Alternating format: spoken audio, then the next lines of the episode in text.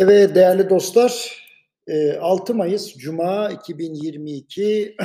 Bugün itibariyle Türkiye Gazetesi'nde yazmaya başladım. Eee, ve bugünkü yazım şöyle, bu sefer söylemden çok eylem gerekiyor.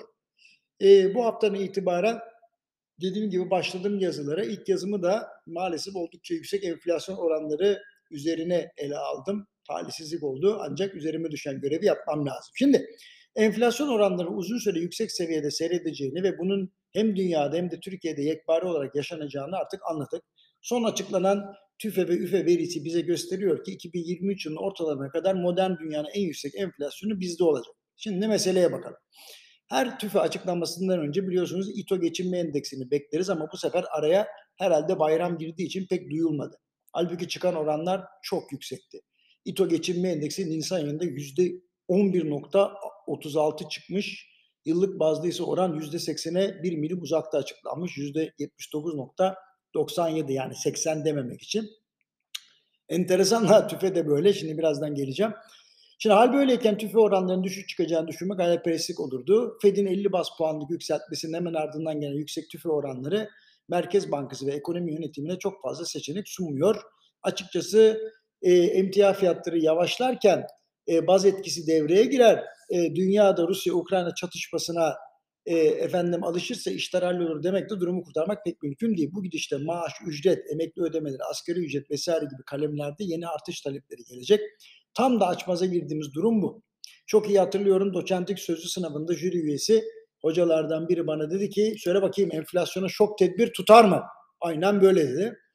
Ben de dedim ki tüm ücretleri hedef enflasyon kadar ya da gerisinde arttırırım.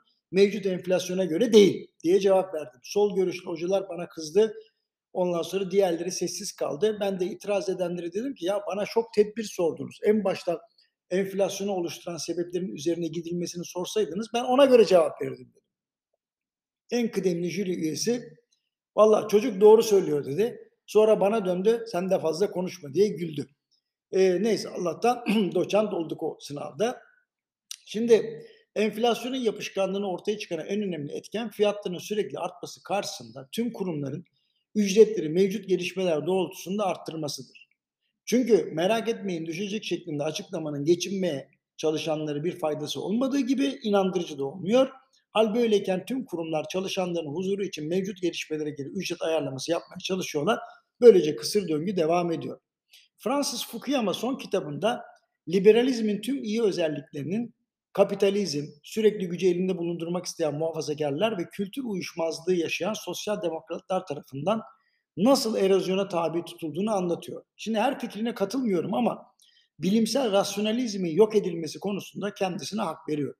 Yani bilimi çözüm olarak kabul etmeyip başka yollar denenmesi, bu reçeteler çalışmayınca da serbest piyasa ekonomisini suçlamak alışkanlık haline geldi. Şimdi serbest piyasa kurallarını düzgün uygulayıp bir de bunları kontrol edersek e, bu tip bahanelere gerek kalmaz. Şimdi fiyatlama davranışlarının bozulmasının ahlaki tarafı kadar gayet insani panik tarafı da var. Unutmayın. Bugün elinden çıkardığı malı yarın bulamayacağını ya da çok yüksek fiyattan geri koyacağını düşünenlerin halleriyle bilerek oluşturulmuş tekelci yapıları sakın birbirine karıştırmayalım. Sonuç olarak aylıkta yüzde 25, yıllıkta da yüzde 70 civarında açıklanan enflasyon oranları bu derdin daha uzun süre devam edeceğini bizlere gösteriyor. Ancak meselenin teknik tarafından çok sosyal, psikolojik ve politik tarafına bakmak lazım. Yoksa işi kalıcı olarak çözemeyeceğiz efendim. Hoşçakalın, iyi hafta sonları.